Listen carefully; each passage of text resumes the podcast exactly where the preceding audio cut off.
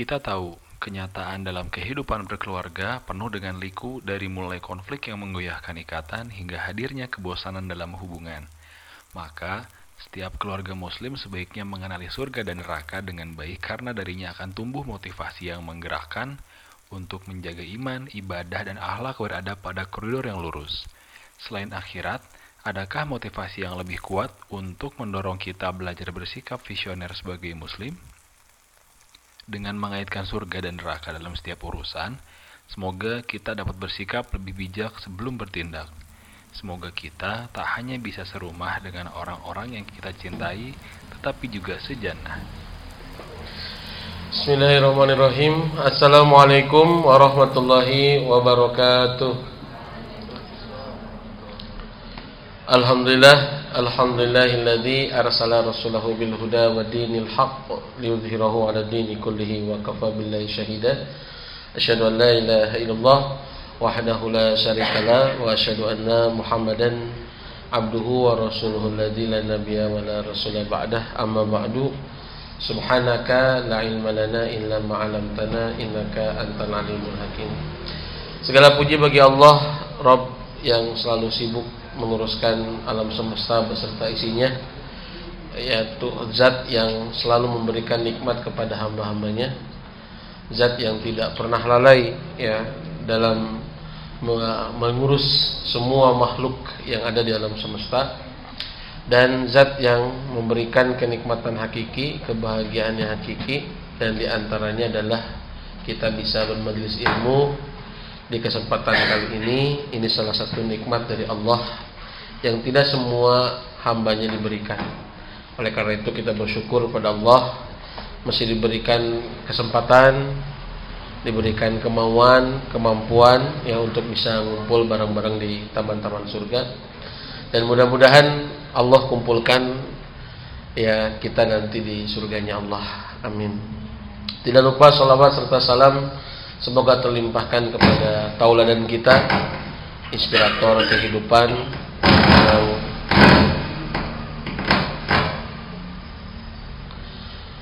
orang yang dimuliakan oleh Allah, dipilih oleh Allah untuk menjadi nabi terlahir, ya nabi di akhir zaman, yaitu Nabi Muhammad sallallahu alaihi wasallam kepada keluarganya, para sahabatnya termasuk kepada kita selaku umatnya. Baik jemaah sekalian yang dirahmati oleh Allah, sahabat-sahabat vitamin yang hadir kesempatan kali ini, kita akan bahas tema kali ini adalah serumah sejanah. Ya, akan berbicara janah gitu ya. Serumah sejanah itu memang menunjukkan bahwa motivasi dan visi dalam berumah tangga itu harus sama. Ya bukan seperti tema yang kemarin bersama tapi tak sejalan. Nah, kenapa? Sebab jannah itu secara bahasa adalah kebun ya dan kita sering mengartikannya adalah surga begitu. Walaupun surga kalau dari sisi bahasa eh, Indonesia itu bahasa Sanskerta ya gitu. Di apa namanya bukan bahasa Arab surga teh. Kalau bahasa Arabnya ya jannah. Jannah itu adalah ya tempat yang penuh dengan kenikmatan abadi ya. Eh, sahabat-sahabat sekalian eh, kita ngomongin jannah dalam rumah tangga dan ini tentu bukan hanya bagi yang sudah menikah ya terutama juga yang belum menikah. Karena jannah itu setidaknya yang pertama adalah sebagai motivasi. Ya, jadi peran surga dalam rumah tangga itu yang menghidupkan atau menghadirkan ya apa namanya visi surgawi eh, mohon maaf ya menghidupkan surga gitu ya ingatan kita mengingat nikmat-nikmat surga di dalam rumah tangga itu minimal ada dua peran lah begitulah ya. Yang pertama adalah surga sebagai motivasi begitu. Surga sebagai motivasi. Dan dalam rumah tangga motivasi ini penting ya. Dalam rumah tangga motivasi ini penting. Jadi seberapa besar eh seberapa kuat kita bisa bertahan dalam menjalani kehidupan rumah tangga itu adalah seberapa kuat motivasi itu hadir dalam kehidupan kita. Makanya pentingnya motivasi dalam rumah tangga itu luar biasa ya iman. Dan tidak ada motivasi yang lebih kuat, lebih kokoh, lebih hebat bagi orang-orang yang beriman kecuali tentang surga. Jadi sepanjang sejarah orang-orang yang hebat itu selalu punya orientasi masa depan. ya di antaranya motivasi yang kuat itu adalah menghadirkan atau mengingat-ingat tentang surga ya dan dalam rumah tangga ini sahabat-sahabat sekalian motivasi itu begitu penting ya kalau kata Pak Cak Hadi Takaryawan menjelaskan ya bahwa ada beberapa hal ya kenapa motivasi yang kuat itu perlu hadir dalam rumah tangga kita yang pertama adalah menghindarkan dari perasaan kebosanan. Ya, supaya terhindar dari perasaan kebosanan. Karena pasti yang namanya rumah tangga menghadapi bosan, betul tidak? Ya, saya pernah ditanya oleh mahasiswa ya, S2 gitu sebelum nikah dia takut karena pertanyaannya Ustadz nanti kalau rumah tangga bosan mual gitu ya. Saya bilang pasti. Ya, karena penelitiannya pun hormon cinta cuma kuat 4 tahun kemudian yang sering ketemu kan dia lagi dia lagi kan begitu ya kas, kasumur papangi jeng eta kadapur papangi eta batur sakasur eta deh gitu ya. Jadi kemungkinan bosan ya pasti gitu. Dan manusiawi banget itu teh ya bosan teh. Tapi adalah eh, mohon maaf tapi bagaimana ya kita punya motivasi yang kuat sehingga bisa lebih terhindar daripada kebosanan. Ya, tidak ada motivasi yang kuat kecuali ya lewat iman eh, menghadirkan ingatan kita kepada surga. Ya kemudian yang kedua ya motivasi itu penting dalam rumah tangga karena menghindarkan diri keinginan dari keinginan mencari pelarian. Ya jika rumah tangga menghadapi situasi konflik ya biasanya itu suka cari pelarian. Walaupun kalau kata beliau kata Pak Cah ini kalau Eh, laki-laki ya memutuskan untuk bercerai padahal rumah tangganya masih perlu apa namanya situasi apa namanya perlu dihadapi konfliknya itu itu seperti kita melepaskan pengaman dari roller coaster gitu ya. Lagi naik roller coaster kemudian dilepaskan pengamannya ya celaka gitu. Kerbutuh pendampingan sedang butuh penyelesaian masalah dia malah hari dan gak sedikit itu laki-laki yang nggak gentle gitu ya menghadapi masalah teh dalam rumah tangga teh bahkan terkesan penakut gitu. Makanya kenapa dalam Al-Quran disebutkan ya kalau mau lepaskan ya lepaskan dengan cara yang baik. Kalau mau ikat ikat dengan cara yang baik ya. Dalam surat at kan kayak begitu. Ya kalau mau dilepaskan lepaskan ya dengan cara yang baik. Kalau mau diikat ikat dengan cara yang baik. Karena banyak para suami yang dolim menggantungkan status istrinya. Kemarin saya terakhir dapat konsultasi dari seorang akhwat kakaknya digantung statusnya. Statusnya bukan di, di, di bukan jasadnya digantung ya. Statusnya digantung udah tiga tahun gitu ya. Diceraikan enggak sama suami nanti gitu ya. Di serumah enggak ya sebulan sekali ya datang ketemu ya kemudian juga nggak ada komunikasi apa-apa cuma lihat anak selesai gitu ya pak kelakuannya ya sudah 3 sampai 4 tahun katanya. Jadi saya kira ya ini tipe laki-laki yang kayak gimana ya, yang yang tidak berani menghadapi kehidupan gitu ya, tidak berani menghadapi masalah, lari dari masalah. Ya laki-laki yang alay itu nukia ya. Laki-laki yang alay gitu ya. Jadi tidak berani menghadapi masalah. Nah, salah satu yang membuat kita tidak lari ya atau tidak mencari pelarian dari konflik yang ada karena konflik kan pasti ya dalam rumah tangga itu pasti ada maka tidak usah uh, apa namanya bagaimana belajar menghindari konflik tapi lebih baik bagaimana mengelola konflik ya. Apalagi berbicara menghindari kekurangan pasangan karena senantiasa ada. Wallahu alam jadi itu yang kedua. Ya motivasi yang kuat itu menghindarkan dari keinginan mencari pelarian. Kemudian yang ketiga, ya motivasi itu penting karena supaya kita bisa menghindarkan dari ketergodaan. Ya. Pasti wae digoda mah, apalagi makanya resiko punya suami ganteng ya teteh teteh, wayahna teteh suami ganteng ya public figure teteh rawan. Makanya saya pernah baca ya penelitian itu di Muslim Daily dulu ada Muslim Daily, sekarang masih ada nggak ya? Muslim Daily itu saya baca penelitian di Inggris itu perempuan itu ya jadi lebih tegang kalau suaminya itu suspek. Jadi kalau keluar rumah teh nggak tenang. Kenapa? Sebab khawatir digodain. Itu. Jadi segitunya gitu ya. Kan ada laki-laki ada yang six ada yang one, pack kan ya. Ada laki-laki ada laki-laki elemen ya, ada laki-laki prenagen macam-macam lah. Jadi subhanallah ya. ya, ada penelitiannya sampai di Inggris ya. Kalau di Indonesia mah enggak lah, enggak terlalu khawatir begitu. Insya Allah dah tapi ternyata gara-gara kenapa dia jadi seorang perempuan yang punya suaminya itu sispek, badannya bagus itu justru nggak tenang. Hidup nanti kenapa? Khawatir ya suaminya digodain gitu ya.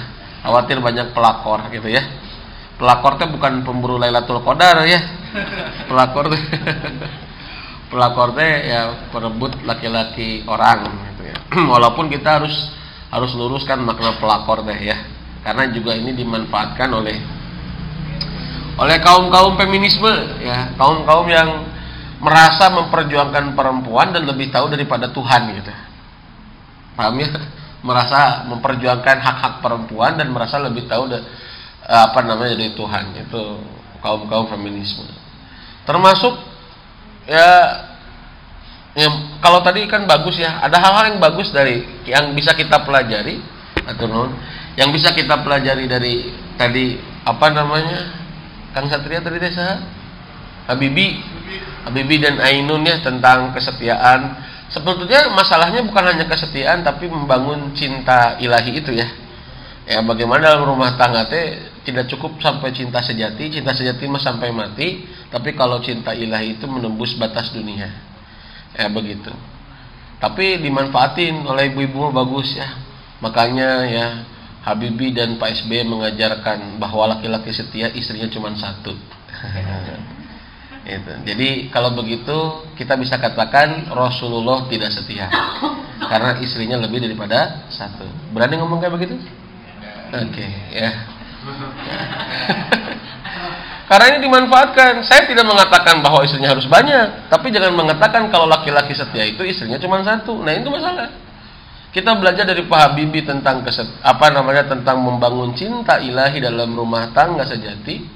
Ya tetapi jangan sampai kebablasan begitu. Ya sampai-sampai ada itu saya sudah perkirakan ini pasti dimanfaatkan. Efektif betul. Ada beberapa meme yang dibikin gitu ya dari Habibie dan SBY kita belajar bahwa laki-laki setia istrinya cuma satu wah itu itu cepat nyebarnya tuh di ahwat bagus ya Subhanallah. Baik, karena ternyata godaan ini nggak pernah selesai, apalagi punya mantan, ya begitu. Ya, hati-hati ya kalau sudah punya suami, tapi ingat mantan, cepat-cepat setan gitu ya. Iya, mantan yang berwajah, eh, setan yang berwajah mantan gitu ya. Iya itu, kadang lewat mimpi kadek teh ya mimpi tiba-tiba mantan yang dulu teh datang lewat mimpi. Itu ada ke beberapa ahwat sengaja mengganggu cepet-cepet istighfar. Lain dituturkan. Aduh ayo untungnya tadi mimpi mantan alhamdulillah ya Allah.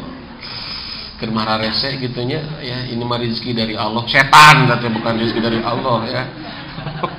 Rezeki dari Allah. Nah, itu itu yang akan menghambarkan cinta dalam rumah tangga. Ari jasa eh, cek orang sudah non banget yang harap hati mungkin kan begitu ya hari di depan adalah suami tapi di pikiran suami orang tak tapi ya teman itu sudah selingkuh pikirannya sudah selingkuh hatinya. Makanya dalam rumah tangga teh cawerang. Tahu cawerang? Cawerang teh hambar. Kenapa hambar? Karena memang pikirannya udah ke lain-lain. Jadi yang membuat rasa itu adalah pikiran. Ya subhanallah. Ya, yang membuat kita rumah tangga lebih berasa. Nah supaya menghindarkan ketergodaan maka salah satunya adalah menghidupkan motivasi yang kuat. Apa motivasi kuat kita dalam berumah tangga? Tidak lain dan tidak bukan adalah surga. Begitu. Makanya kenapa punten ulaika humul muflihun. Ya, mereka lah orang-orang yang beruntung, yang berbahagia, yang sukses. Di surat apa tuh? Al-Baqarah. Betul nggak? Ya, ulaika humul muflihun. Ayat kelimanya kan Ayat pertamanya apa? Alif lam mim zal a'udzubillahi minasyaitonirrajim. Alif lam mim zalikal kitabu la raiba fihi hudal lil muttaqin alladzina yu'minuna bil ghaib. Jadi yang pertama itu harus beriman kepada yang gaib. Mau nggak mau ya. itu dan yang gaib ini kadang-kadang nggak bisa dilogikakan hanya pakai bicara iman ya udah gitu ya ujung-ujungnya begitu ya yu'minu nabil ghaib dan di antara kegaiban apa surga dan neraka ketinggali gitu dan ya bahkan apa yang kita bayangkan itu belum bisa menggambarkan surga sesungguhnya kata Nabi mala ainun ra'at wala udunun sami'at wala fi qalbil bashar surga itu tidak pernah terlihat oleh mata manusia, tidak pernah terdengar oleh telinga manusia, dan tidak pernah ada terlintas dalam pikiran manusia. Ya. Yang keempat, pentingnya motivasi dalam rumah tangga teh menghindarkan dari kekecewaan berlebihan. Ya namanya juga pasangan kita teh manusia tuh ya. Tapi kita harus sabar menghadapinya selama itu tidak melanggar syar'i. Bahkan terkadang kalaupun melanggar syar'i, ya kita masih bisa mendidiknya mengingatkannya menasehatinya bahkan ya prasangka kita lebih kuat untuk bisa mendampinginya sebagai jalan perubahan bagi dia maka ikhwati iman bersabarlah itu ya karena suami kita memang bukan apa namanya manusia setengah dewa. Itu ya. istri kita bukan setengah bidadari begitu ya bidadari surga. Ya walaupun kamulah bidadari tanpa sayap. Ya, gitu ya. yang bidadari eh, siapa gitu di surga? Eh jangan-jangan gitu. Walau alam saya belum dapat. Kalau malaikat ada sayap. Kalau bidadari nggak tahu. Saya belum dapat keterangan bidadari di surga itu ada sayapnya ada jangan-jangan oh, ya. walau alam ada yang pernah dapat keterangan itu nggak? Mungkin karena saya juga terbatas ya. Ya saya baca-baca tentang surga dan neraka sifat-sifat bidadari surga gitu ya. Begitu. Salah satunya tidak ada eh mohon maaf tidak ada yang menjelaskan tentang bidadari bersayap. Eh saya tuh ditewak nanya kumaha walau alam ya. Wajar ya mengi, apa ada kekecewaan ada kesedihan ya manusiawi banget lah begitu tapi kalau saya berpendapat ya kalau saya berpendapat dan mencari yang seperti apa tuh ya yang penting jelas yang penting begini Allah tidak pernah salah Kenapa kita ditakdirkan jodoh dengan dia gitu? Apa hikmahnya gitu? Ridho saja sebelum anda mencari solusi. Ridho kenela gitu. Ini banyak sebelum mencari eh sebelum apa namanya tidak ridho ya kemudian ngagaji langsung mencari solusi. Jadi sebelum mencari solusi ridho kenela. Jangan berpikir itu kumanya kumanya. Ridho kenela, tarima kenela. Sebab menerima itu adalah seperti kita membuang toksin emosional. Jadi kotoran-kotoran emosi teh keluar gitu. Punten ya punten ya seperti BAB tak ridho teh orang ridho teh BAB sugan mah ya Allah gitu kan kan? Mohon maaf ya ini supaya lebih mudah tergambar keridoan itu seperti kita BAB seperti kita membuang kotoran ridho ya tidak ada kesedihan. Kenapa? Karena sedang membuang kotoran. Nah keridoan itu seperti kita membuang kotoran emosi. Kesal sedih ambek ya. Itu teh emosi-emosi kotor. Kotoran-kotoran emosi. Tah ridho teh dipicen ke orang teh. Ya dikeluarkan. Supaya apa? Supaya kita bisa lebih sehat. Kalau sudah ridho itu kan baru mikirin solusi. Ini kita kadang kala sebelum sebelum apa mohon maaf tidak didahului oleh ridho dulu langsung mikir solusi kan Iku malah mungkin, kumaha tapi saran saya sebelum anda itu pikir solusi Alhamdulillah ya. Barakallahu fikum. Nanti kita lanjutkan. Assalamualaikum warahmatullahi wabarakatuh. Jadi iwat iman kita mulai lagi. Bismillahirrahmanirrahim.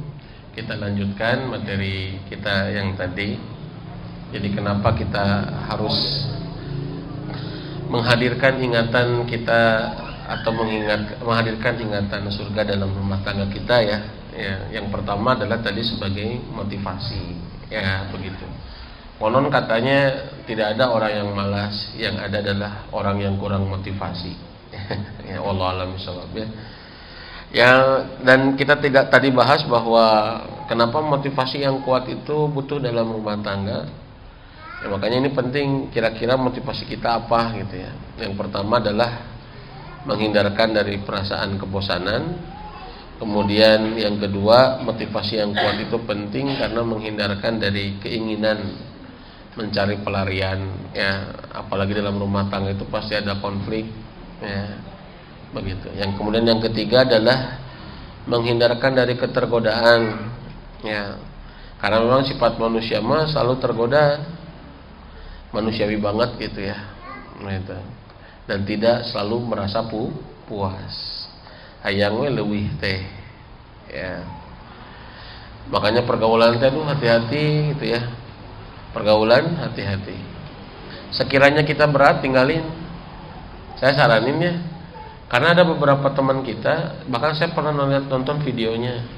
Ada orang yang dulunya ahli maksiat, kemudian dia taat, alhamdulillah, dan suatu saat diundang lagi oleh teman-temannya.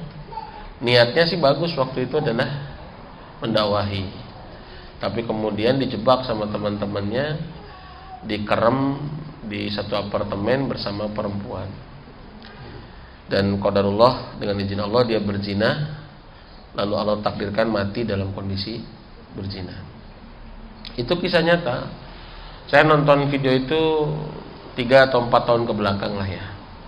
Tiga atau empat tahun ke belakang itu kisah nyata di Barat tentang seorang Muslim yang kembali ke jalan taat, tapi akhirnya juga mati dalam kondisi maksiat. Karena tadi ya tidak berani untuk meninggalkan lingkungan. Kalau sekiranya berat, tinggalin. Tapi kalau kita mampu bertahan, bagus. Karena itu juga bagian daripada ya jalan kebaikan. Mandala ala khairin falahu ajru mislu failihi.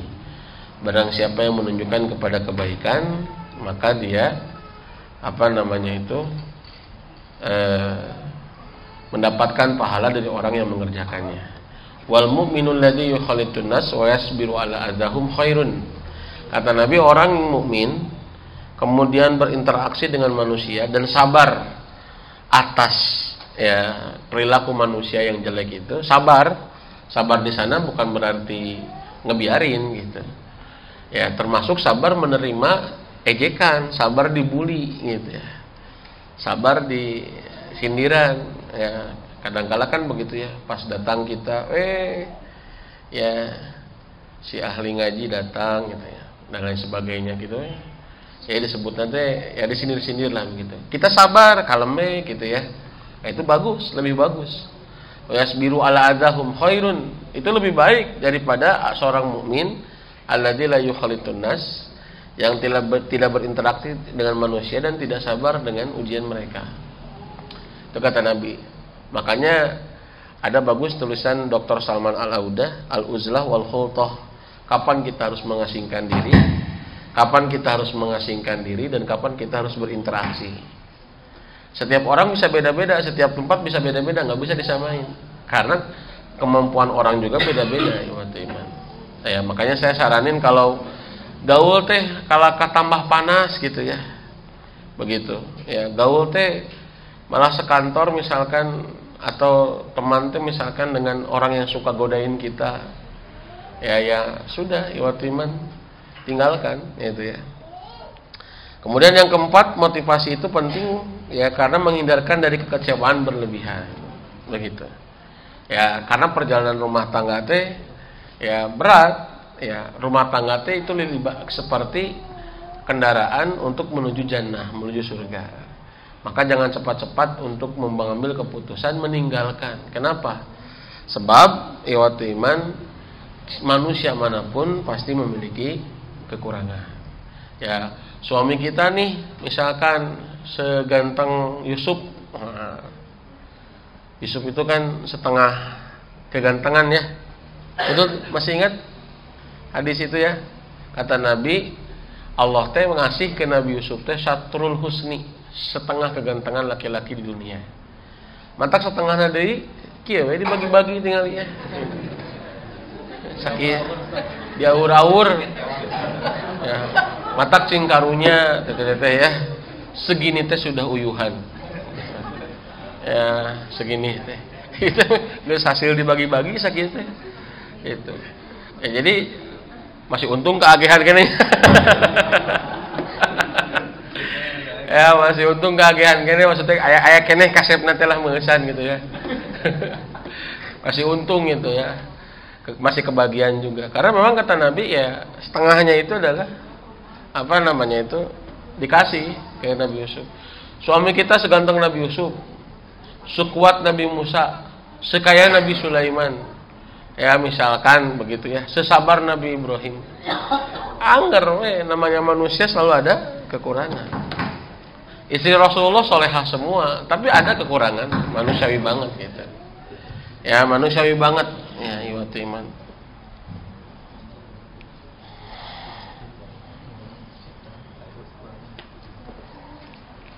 subhanallah ya. Makanya kalau ada masalah ya sesuatu pun begitu ya. Coba ingat ya bahwa ada ada tadi teh kalau diumpamakan oleh Agima seperti kita mendaki ada sesuatu yang dituju. Sabar aja iwat iman. Ya salah satu sabar itu adalah ingat akhirat. Maka kisah orang-orang yang bersabar itu adalah kisah mereka yang selalu punya orientasi akhirat yang kuat. Siapa pun ya. Yang kedua adalah rumah tangga eh menghadirkan surah dalam rumah tangga teh itu sebagai visi. Ya kalau tadi sebagai motivasi yang mendorong sebagai visi itu adalah karena sesuatu yang ingin diwujudkan bareng-bareng gitu oleh rumah tangga oleh suami oleh istri ya. Dan ini teh harus selalu dihadirkan. Makanya kita harus cari cara ini teh. Ini, ini pertanyaan barusan diskusi ya. Harus cari cara bagaimana selalu menghadirkan surga atau mengingat surga dalam rumah tangga. Kuma cara nanti gitu. Ya karena nggak mungkin kita disuruh disuruh serumah sejanah tapi tak apa karakter janah teh kumaha nah, ayo kerja nanti digaji. Gajinya sabar ada apa gitu ya. Digaji mah pasti tapi sabar gitu. ketika ditanya ser serumah sejanah? Ingat surga. Bunda kamu teh harus sabar ingat surga ah surga surga ya nanahaon gitu misalkannya begitu. Kadang-kadang diingatkan surga teh ya tidak tenang. Diingatkan surga teh kabita diingatkan neraka tidak takut. Kenapa? Karena tidak tahu tentang isinya tidak tahu tentang karakternya. Ayo kerja. Ya nanti per jamnya dihitung misalkan 2 juta setengah. Lalu kan bedanya. Betul tidak? Karena tahu itu nilainya. Makanya kenapa zaman sekalian sahabat-sahabat sekalian kalau kita perhatikan dalam Al-Quran kalau kita perhatikan Makanya kenapa di surat-surat makiyah itu yang banyak itu adalah menghadirkan tentang akhirat. Ya. Yang jadi ayat surat-surat makiyah itu yang banyak dihadirkan tentang akhirat. Lihat juz amma. Juz amma, juz amma itu juz ke seberapa? 30. Ya, juz terlahir 37 surat. Ya, di surat An-Naba, An-Naziat, Abasa, Al-Mutaffifin. Ini tentang surga, tentang neraka gitu. Kenapa? Karena memang kekuatan keimanan itu adalah dua, al-imanu billahi wal yaumil akhir. Jadi kalau berbicara tentang menghadirkan atau mengokohkan iman di awal-awal surat Al-Qur'an itu turun adalah dua kata Dr. Abdul Qadir Al-Lahim yaitu al-imanu billahi wal yaumil akhir. Ya, termasuk ke anak. Makanya saya sedang tadi teh lagi cari-cari materi, belum belum lagi baru terlintas. Sambil nyetirnya terlintas kumahan rangkin kabudak tentang hari akhir sob. Ini saya setengah curhatnya ya curhat supaya ke saya hawain ujangar gitu ya. Jadi berbagi kalian lah ya begitu ya. Siapa tahu mungkin ada solusi ya. kalau bagaimana menerangkan anak cinta Allah saya sudah dapat materinya. Di antaranya buku itu mencintai Allah mencintai Rasul mencintai Islam kemudian apa lagi mencintai sholat dan hijab. Saya dapat bukunya, praktis banget. Landasan konseptualnya dapat, gitu ya. Kemudian prakteknya juga ada buku itu. Tapi ah, afwan buku nah. Masa kalian ada promosi saya ya. Nah buku ini saya dapat karena menanamkan iman kepada anak ini tiga pendidikan cinta Allah, Rasul dan Islam. Dari mulai konsepnya kenapa harus mencintai Allah, ya why fuck vektornya, y vektornya gitu ya. Ya, faktor kenapanya ada, terus how to-nya dapat di sini. Tapi saya belum dapat, saya lagi tadi terlintas di kendaraan terlintas kumaha nerangkeun ka budak surga jeung neraka gitu. Lamun ke orang tua kayak kita-kita mungkin banyak materi ya. Ya, maka makanya mungkin astagfirullah ya, salah satu kelalaian kita mungkin ya. Kelalaian saya, so, mohon maaf. Ya, itu adalah mungkin kurang mengingat surga dan neraka. Karena luar biasa iwat iman. Makanya lihat, ya tidak ada praktek dalam rumah tangga amal-amal soleh itu kecuali dikaitkan dengan dua ini al imanu billahi wal yaumil akhir yaitu iman kepada Allah dan iman kepada hari akhir selalu dikaitkan lihat contoh nih contoh untuk para suami misalkan ya. Bagaimana Nabi mengatakan bahwa ketika seseorang itu menafkahi keluarganya itu bagian daripada soda sodakah. Bahkan sodakohnya suami bukan hanya harta termasuk hubungan ya jima hubungan seksual. Itu termasuk soda sodako kata para sahabat hah?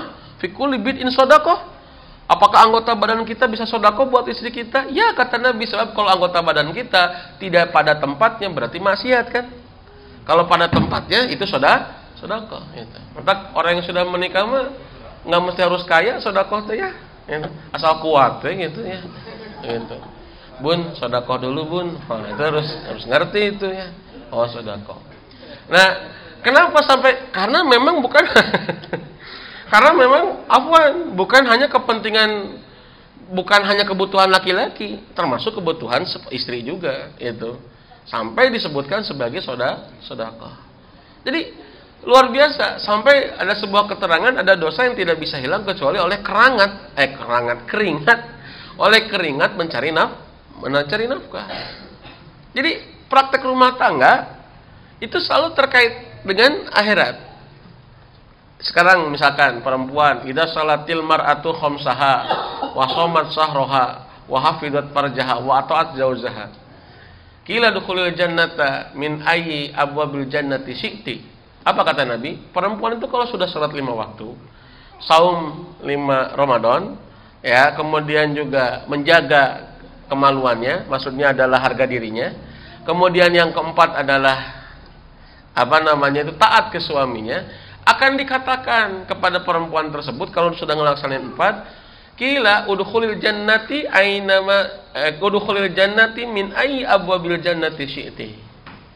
Ya masuklah kalian ke dalam surga. Dari pintu mana saja dari pintu mana saja yang kalian inginkan. Pintu surga ada berapa teh? Ada delapan. Kan begitu ya? Di antaranya babur royan itu lisoim ya pintu aroyan yang namanya untuk orang yang saum. Nanti kata Nabi ada yang dari pintu sodako, pintu jihad, pintu sholat, ada lain-lain. Itu tergantung spesialis amal sunatnya apa. Bukan amal wajib ya, amal sunat. Karena setiap orang punya spesialisnya.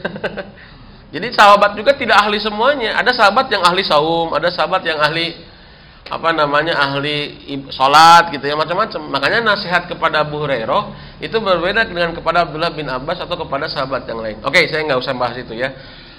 Jadi maksud saya adalah ya berbaik berbuat baik kepada suami saja itu orientasinya surga gitu.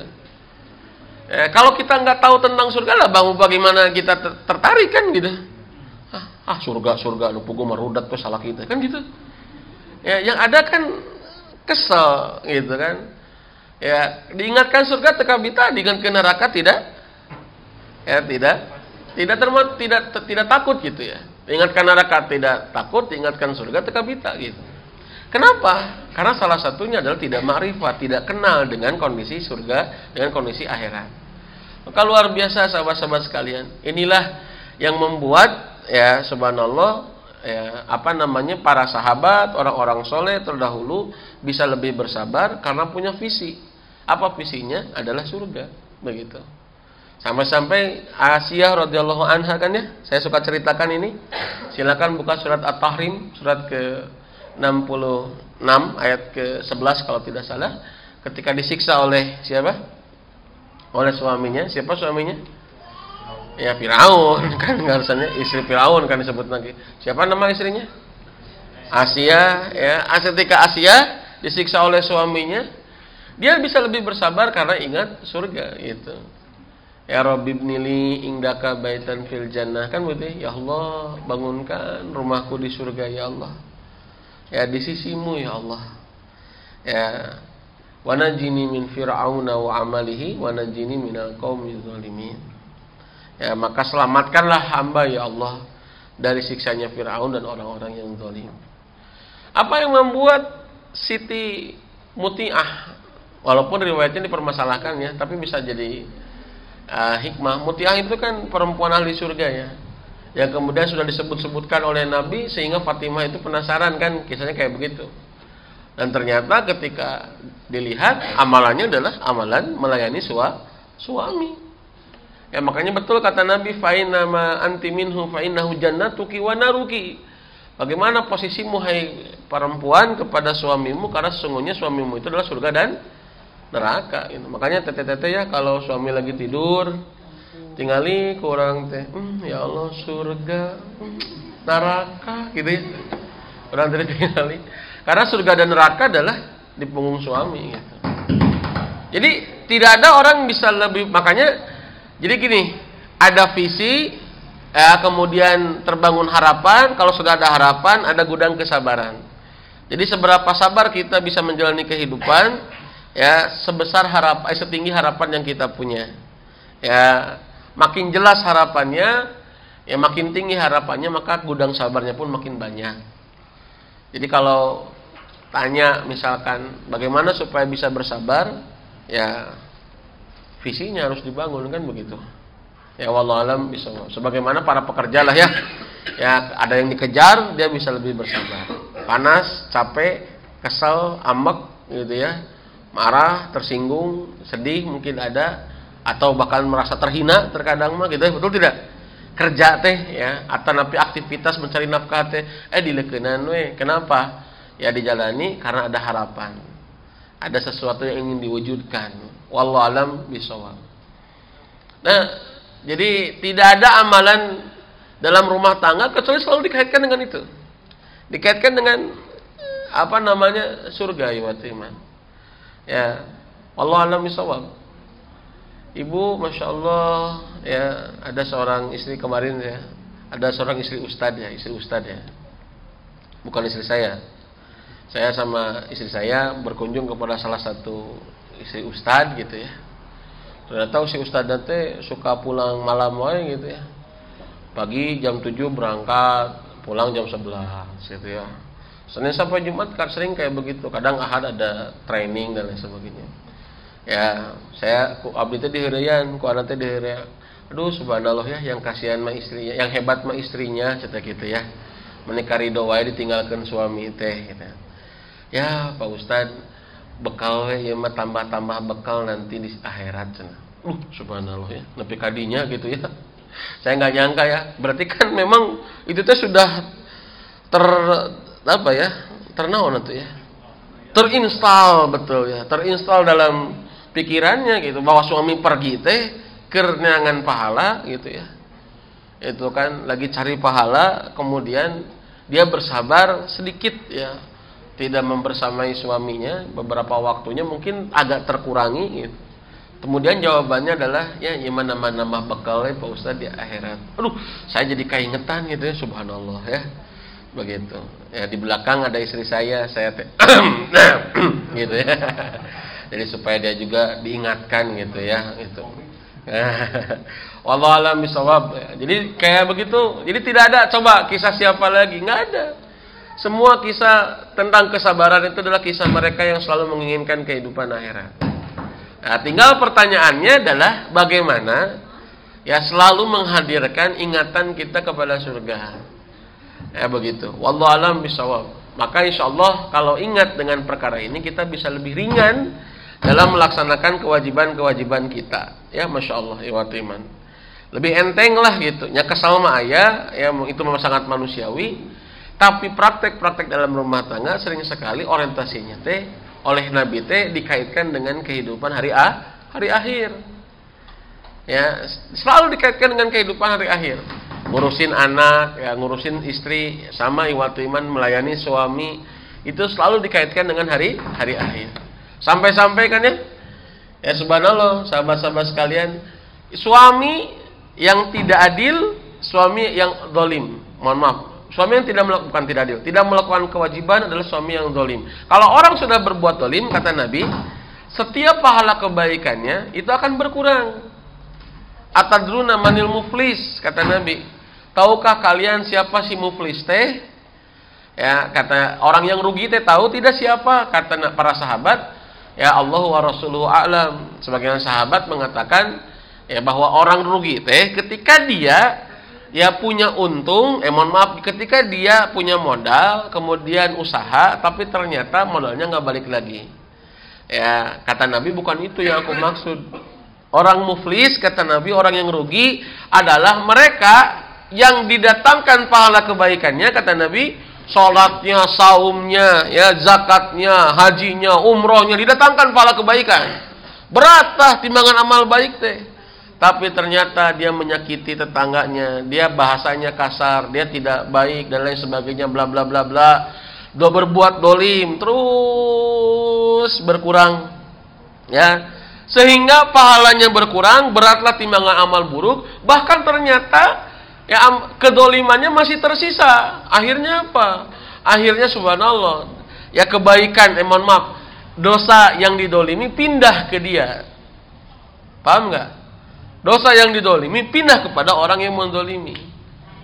Ya bukannya nambah pahala, eh bukannya nak membukakan pintu surga, tapi malah nambah dosa ya iman. Kapan? Ketika sudah orang berbuat dolim. Ya, apa itu dolim? Ya, wad syai'i fi ghairi mawadihi, menempatkan sesuatu bukan pada tempatnya, termasuk ya orang tidak melaksanakan kewajiban itulah kedoli kedoliman. Jadi selalu dikaitkan. Makanya hati-hati para suami jangan sampai kita menjadi suami-suami yang dolim. Ya, kat, he.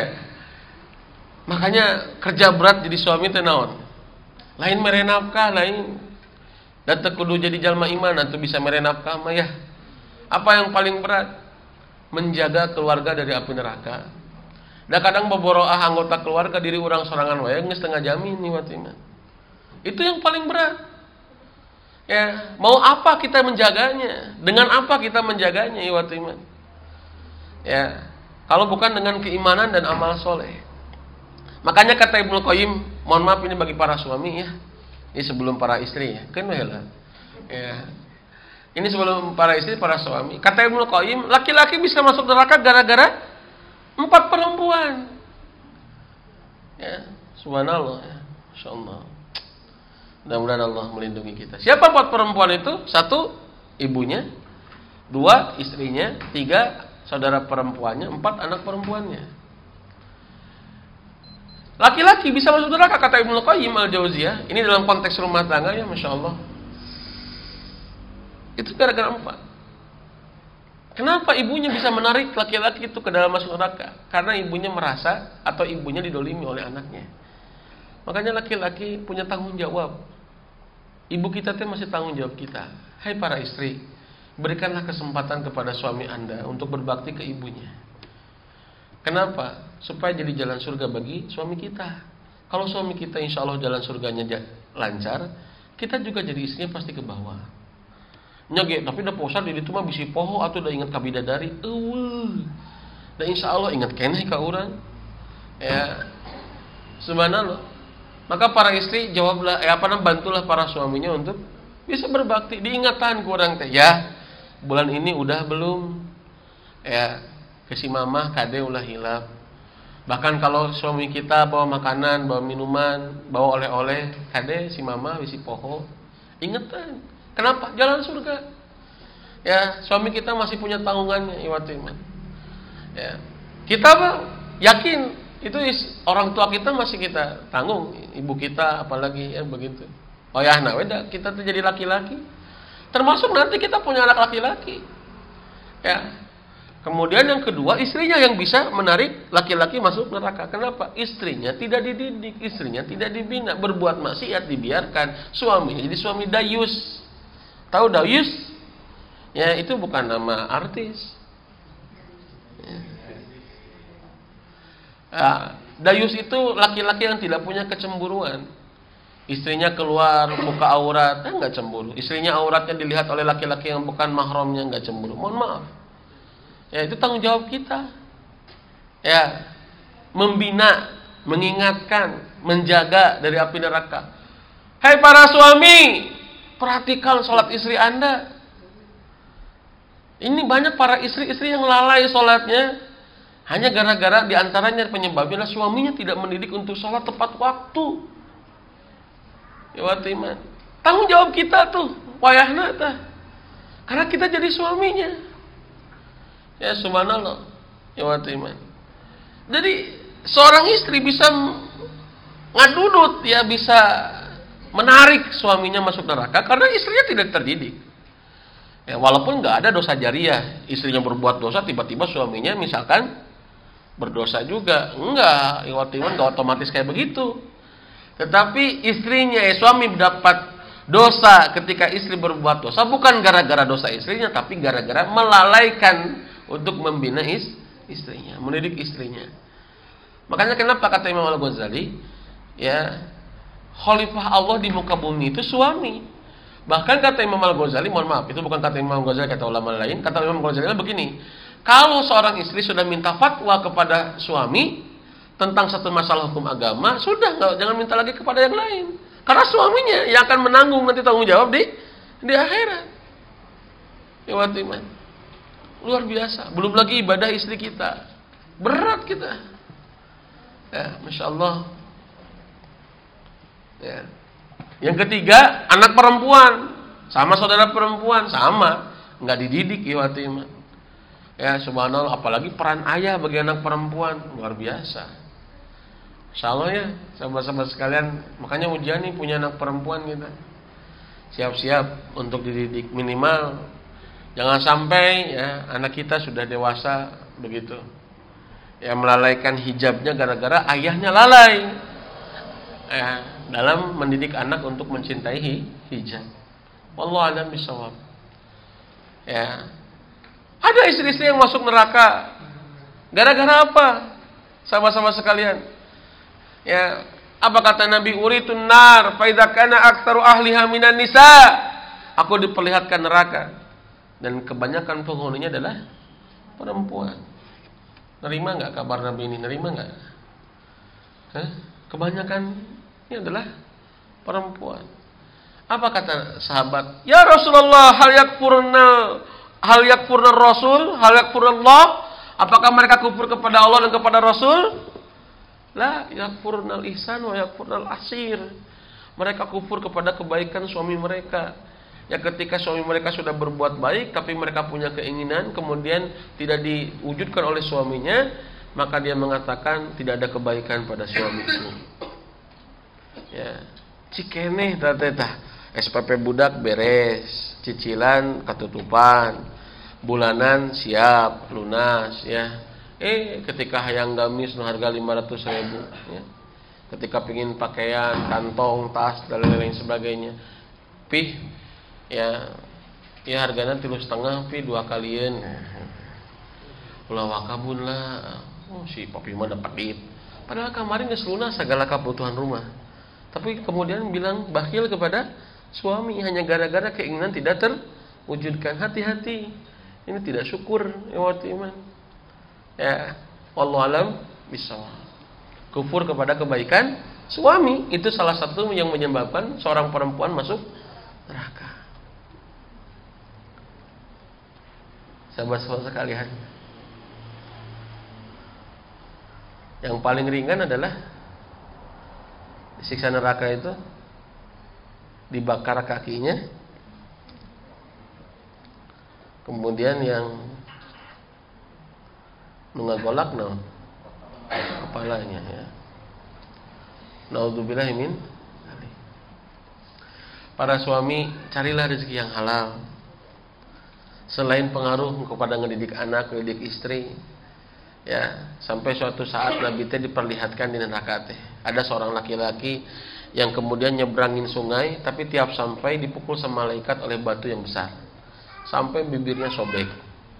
Ya balik dari utuh lagi nyebrang lagi ya lewat sungai kemudian jebret deh. Ya disiksa di neraka ya waktu iman apa kata kata Nabi? Nanya ke malaikat siapa mereka? Siapa mereka? Bolak-balik gue sampai si lautan itu, mohon maaf si sungai teh warnanya merah karena darah. Diperlihatkan Nabi teh. Apa kata malaikat? Mereka lah orang yang suka memakan uang riba. Ya. Nauzubillahi min Para laki-laki ya jaga ya apa namanya interaksi kita yang dengan yang bukan mahram di tempat kerja Subhanallah ya Sudah dijaga betul ya para termasuk para istri. Ya, jangan sampai pantel-antel kulit yang bukan mahramnya ya jangan dibiasakan itu teh. Ya walaupun dulu mungkin kita lupa atau tidak tahu sekarang kita udah tahu kadang kala orang tembung ya kelihatan baik teh gitu ya. Sehingga ah kapaksa we orang telah musa salaman teh antel wae. Mohon maaf kata Nabi lebih baik uljima minan nar. Lebih baik kemudian ditusuk oleh besi yang panas.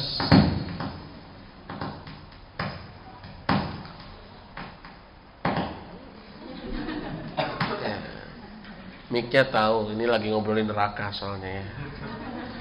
Itu lebih baik ya ditusuk dari besi yang panas. Ya begitu. Dari duburnya tembus sampai kepalanya kata Nabi. Ya daripada harus bersentuhan kulit dengan yang bukan mahramnya. Bab nutup aurat. Itu tadi dijaga betul. Ya masya Allah. Maka sahabat-sahabat sekalian ya teringat Ibnu Taimiyah ya. Ibnu Taimiyah itu dipenjara tujuh kali oleh penguasa zalim ya apa kata Ibnu Taimiyah apabila aku dibunuh aku mati di jalan Allah apabila aku diusir itu adalah rihlah perjalananku ya apa kata Ibnu Taimiyah sesungguhnya surgaku ya selalu bersamaku. Artinya apa? Ibnu Taimiyah bisa sabar menghadapi kesulitan karena ingat apa? Ingat surga. Ya, Ibnu Taimiyah bisa lebih sabar karena ingat surga. Ya, kan nyeri hati. Jangan sampai ya justru barang siapa yang mencari ridho manusia kata Nabi, ya, tapi mendatangkan kebencian Allah, ya, maka eh, apa namanya ini salah satu hal yang harus dihindari. Jangan sampai kita mendapatkan ridho manusia disenangi manusia tapi ternyata Allah tidak ridho kepada kita. Walau alam dengan laulah hari wangi waktu ya. Dari ridho manusia mah terbatas. Dan jangan sampai kita merasa bahwa manusia teh pandangannya teh yang terbaik. Enggak. Dah hirup mah pica capeken cekolot mah. Tahu pica capeken ya pi omongan wae. Rek soleh diomongkan tu soleh komodei. Sok atuh kumaha? Ya. Ustad diomongkan kene ya. Artis komodei sarua diomongkan ya. Da, tidak ada yang lepas daripada omongan manusia maka nggak usah khawatir begitu ya. Tinggal Allah ridho tidak kepada kita. Sudah itu yang membuat kita tenang. Ya wallahu alam bisawab atur nuhun. Terima kasih. Mudah-mudahan saya harus sampaikan mohon maaf ya sebagai bentuk rasa kasih sayang kepada teman-teman ya. Mohon maaf saya juga masih belajar. Tapi tidak ada yang membuat kita bisa lebih bersabar yang menghadapi ujian rumah tangga kemudian bahkan tidak bisa yang membuat kita bisa lebih bersabar dalam melaksanakan kewajiban kita dalam rumah tangga apakah sebagai istri ataukah sebagai suami apakah sebagai ibu ataukah sebagai ayah ya tetap kecuali yang membuat kita bisa lebih bersabar adalah menghadirkan ingatan kita kepada sur surga. Wallahu a'lam bishawab. Batul nuhun barakallahu fikum. Sebelum tutup mungkin ada pertanyaan, tafadhol.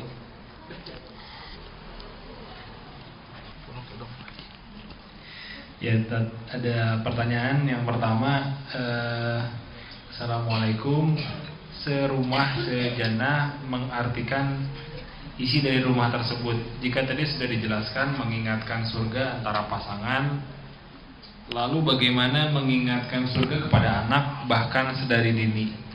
How to-nya itu seperti apa? Jazakallah khair. Iya, kan itu yang saya tanyakan tadi. Itu yang menjadi salah satu ya pertanyaan saya hari ini gitu. Jadi anak nanya begitu ya udah bagus, berarti sama pertanyaan dengan saya. Saya juga mau nanya kayak begitu. Jadi bagaimana? Ya serius. Kan tadi saya sudah ngomong kan bahwa ha, betul ya. Kalau untuk orang dewasa, nah saya belum belum cari yang tepat. Jadi kemarin kami kami kaji buku namanya itu setetes iman untuk Ananda.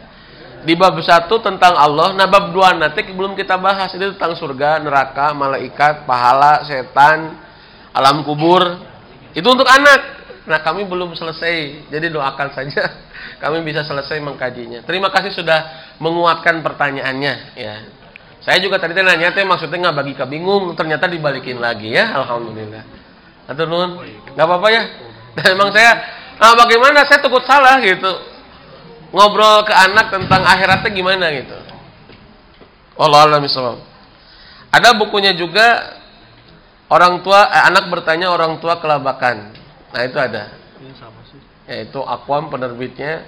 Tapi saya, saya juga belum nemuin. Insya Allah nanti kita sharing lah ya. Terima kasih.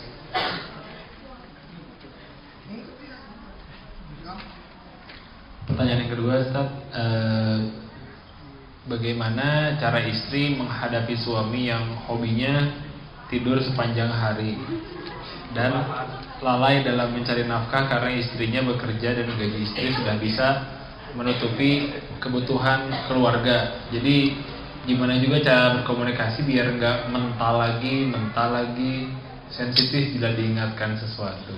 Eh, masya Allah.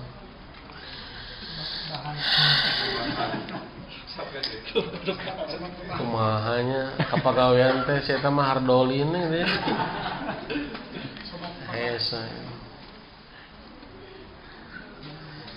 Coba ini kan ada proses tauiyah ya. Intinya penyadaran. Ada ada apa ya? Penyadaran. Bagaimana supaya tersadar gitu. Ya jadi masalah itu ternyadar gitu ya. Ya. Coba menurut saya kalau kita tidak bisa menasihati sensitif, coba orang yang dianggap ada orang yang di yang oleh suami kita teh dianggap dia teh lebih berwibawa, lebih didengar temannya. Ya mungkin orang tuanya, laporin ke orang tuanya juga boleh. Boleh, nggak apa-apa ya. Jadi iwatimah Allah eh teteh-teteh sekalian boleh laporin ke orang tuanya atau siapa yang didengar oleh kakak kita eh oleh kakak kita oleh suami kita mungkin kakaknya bisa kita ngomong ya, tapi harus hati-hati memang kondisinya kayak begitu gitu ya Ya kalau nanya mah gimana hukum suami kayak begitu ya dolim. Suami kayak begitu dolim itu. Dolim. Walaupun dia ahli ibadah, ibadahnya terkurangi, muflis dia, insya Allah ya. Naudzubillah min dari itu dolim. Ya. Jadi yang wajib adalah suaminya. Nah intinya hati-hati jangan disindir, jangan dibanding-bandingin Ya, coba kamu lihat dong teman kamu, teman kamu mah rajin cari kerja teh ya. Lihat tuh omsetnya bisnisnya udah MM-an misalkan ya. Tahu MM-an? 500, mauluh, ribu ya. Ya, lihat. Ya, nah, ya Kak, ngomong kayak begitu itu menghadapi suami dengan cara laki-laki, jangan. Itu ngebanding-bandingin makin tambah sulit kita. Harusnya ngomong baik-baik ya bagaimana disadarkan tentang kewajibannya mencari nafkah. Begitu. Wallahu alam bisawab. Mohon maaf. Uang istri hasil kerjanya adalah milik dia, bukan milik kita. Itu kata para ulama. Ya, jangan mentang-mentang istri kerja kemudian duitnya bisa dipakai kurangi rawa, ya enggak. Itu hak dia ya Watimah. Ya. Begitu? Ya kalau istrinya ridho. Kalau istrinya ridho boleh, ya. Aku serahkan gajiku kepadamu misalkan ya. Semuanya? Iya. Ya. padahal bubuk nama tilu kali lipat tante ya. Struk gajina dibikin 2 juta setengah padahal batin nama 5 juta disumputkan. Nah itu hak istri bukan? Uang hasil kerja istri hak istri bukan? Suami suami yang dolim kayak gini walau alam jadi solusinya tadi ya disadarkan apakah ngomongnya baik-baik jangan pakai sindiran jangan pakai banding-bandingin ngobrol samakan frekuensi dari mulai sederhana sadarkan. Intinya penyadaran taunya proses disadarkan. Karena nggak bisa dia berkarya kalau tidak sadar. Susah iwatiman diajak lompat tapi tersadar ke liudak anjing. Nah hese tuh ya itu. Dia harus sadar dulu baru dia bisa berkarya. Jangan dituntut dulu tentang kewajibannya apa namanya disadarkan tentang kewajibannya tentang akhirat dan lain sebagainya. Wallahu alam jadi dan yang kedua solusinya adalah boleh kita cari pihak yang ketiga yang merasa yang dirasa bahwa kalau dia ngomong lebih didengar oleh suami kita. Wallahu alam enggak Nah ini dari sisi sebaliknya nih Tat. Hmm. Bagaimana menyikapi dan Istri yang tidur yang terus. harus dilakukan hal-hal apa saja jika kita memerintah suatu kebaikan kepada istri namun istri tidak mau nurut. Ya. Nah, kalau istri tidak mau nurut berarti itu isyarat bahwa anda belum berhasil mendidik istri gitu, eh. Hah? Atau mungkin ada ini ya, ada satu pemahaman yang terlewat kalau kajian vitamin C yang dulu tuh fitrahku fitrahmu mungkin ya. Ada Maksudnya? fitrah yang kurang dipahami bagaimana cara berkomunikasi kepada suami, suami berkomunikasi kepada istri Iya. karena miss jadinya nggak kena gitu. Karena mis jadi Jadi nggak kena, jadi nggak masuk gitu pesan-pesannya. mungkin ya itu mah sisi teknis, ya teknis komunikasinya. Betul, ya. Tapi begini, kalau kalau ya kalau perempuan kan tadi konteksnya adalah susah taat ke suami gitu kan ya. Ya, mohon maaf, berarti itu indikasi bahwa kita mohon maaf masih harus berjuang agak lebih lama lagi untuk memahamkan istri terkait dengan posisinya. Gitu eh. Ya gitu. Puntennya mohon maaf, eh sekedar nuntut mah gampang lah kudu jadi salaki gitu. Iya, nuntut, monis, nyalahkan, gampang. Kamu tuh jadi suami istri tuh harus begini, begini, begitu, begitu, begitu, begitu. Coba kamu tuh istri tuh blablabla. Wah, kirim kurang tehnya nasihat-nasihat di WA, video Ustaz Adi, video Ustaz Wah, kiriman Ustaz Khalid kiriman tentang istri yang soleha, tapi kadalapan siki sapoe teh. Mohon maaf ya kalau sebatas ya kalau sebatas memponis mah gampang.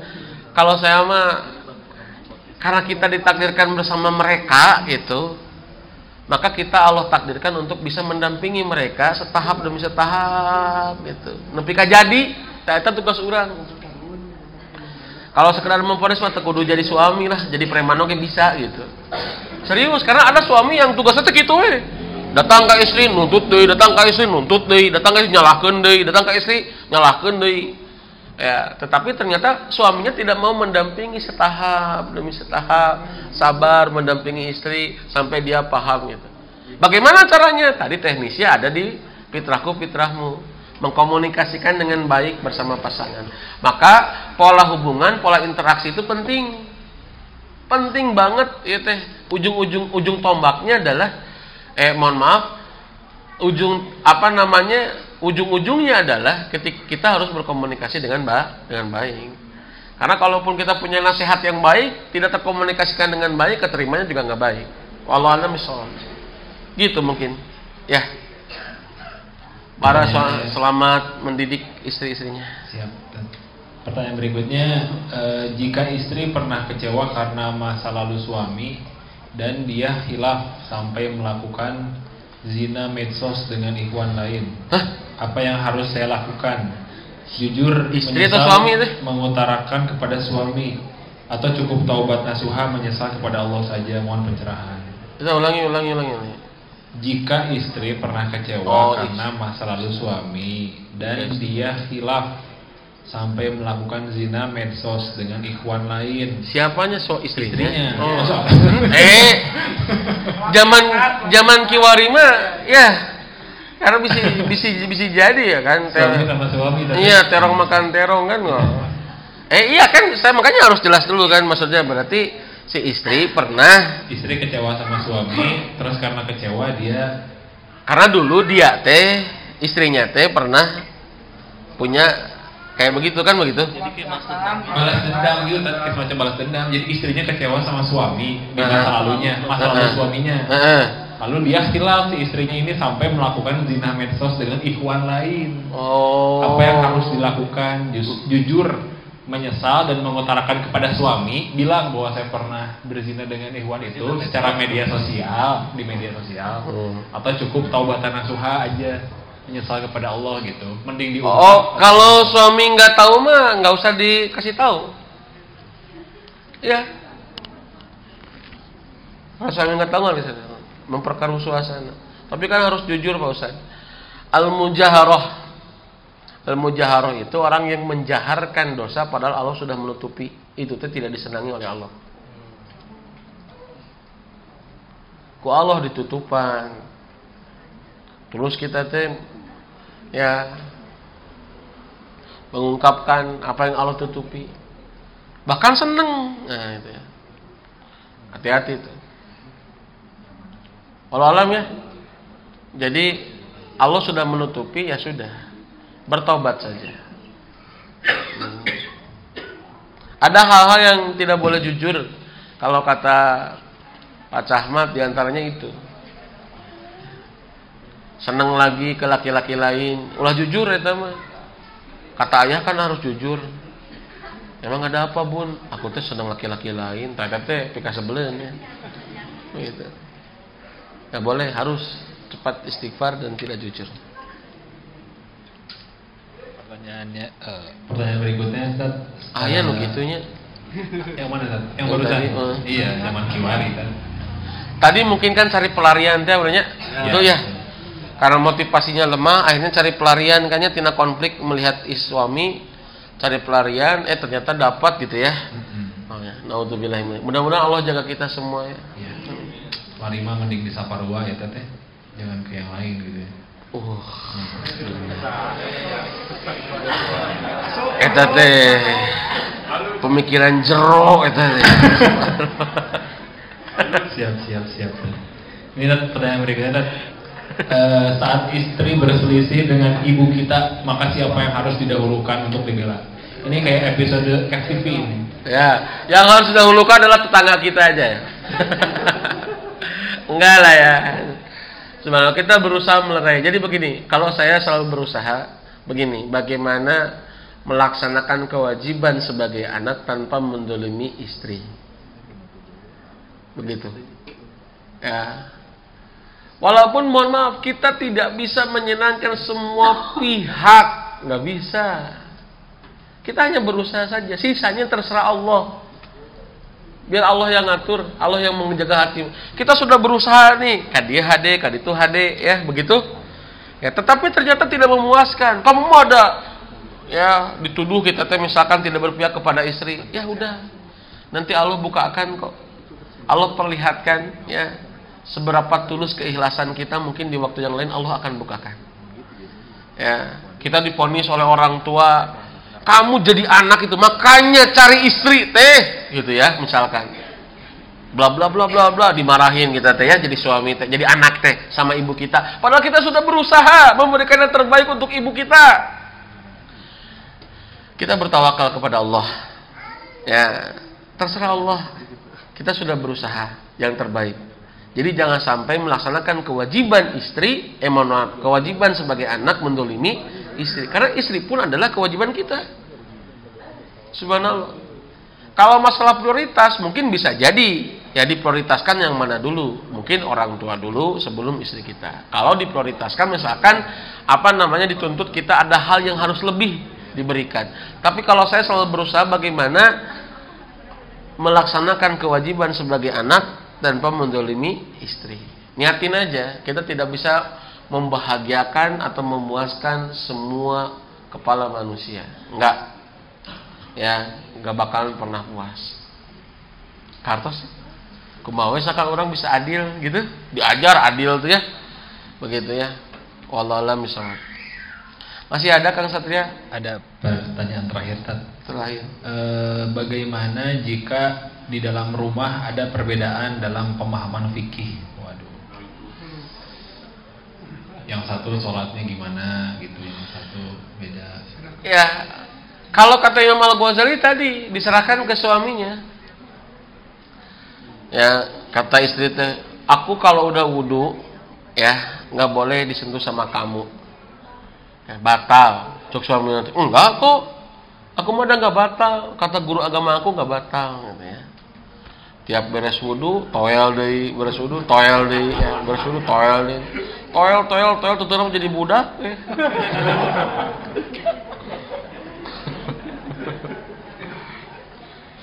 Mohon maaf ya.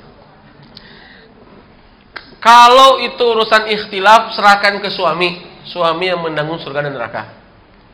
Ya, kalau istri ya, di sisi istri ya, serahkan ke suami. Kata Imam Al-Ghazali, ya kalau kita nih punya pemahaman, misalkan tidak batal. Gitu ya. Tapi ternyata suami kita bilang batal, atau sebaliknya ikuti suami. Karena suami yang bertanggung jawab ya atas urusan fikih ibadahnya. Begitu. Ya, tapi suami yang baik menurut saya adalah suami yang bijak adalah memberikan kesempatan istri untuk bisa memilih di antara sekian pendapat para ulama. Kalau saya di rumah kayak begitu. Ya, bi itu utek-utekan atau pinter gitu. Walaupun kita satu pesantren. Ya. Utek-utekan teh iya ke sholat maksudnya ya lagi sholat misalkan. Tahiyat teh otak-otakan tuh atau cicing. Umi enaknya nu mana? Kan gitu kan? Wah oh, abu amun kene otak-otakannya terserah. Saya enggak. Itu. Bahkan kalau saya mah asik menghidupkan perbedaan di keluarga.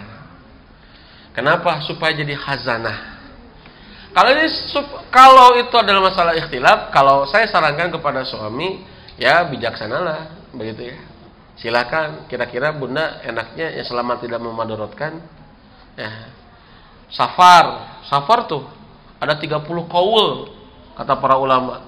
Kita safar bareng nih. Safar bareng. Ya istri kita bilang mazalah safar safar.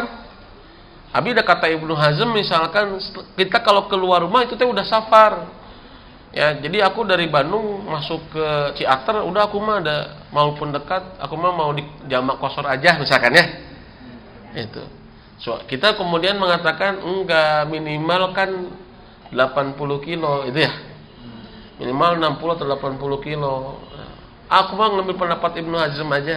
Boleh berbeda? Boleh. Tapi kalau suaminya bilang enggak bun enggak usah di jamak jamak kosor ya masih dekat kok gitu. Apalagi kita nggak terlalu madorot. Ikuti suami.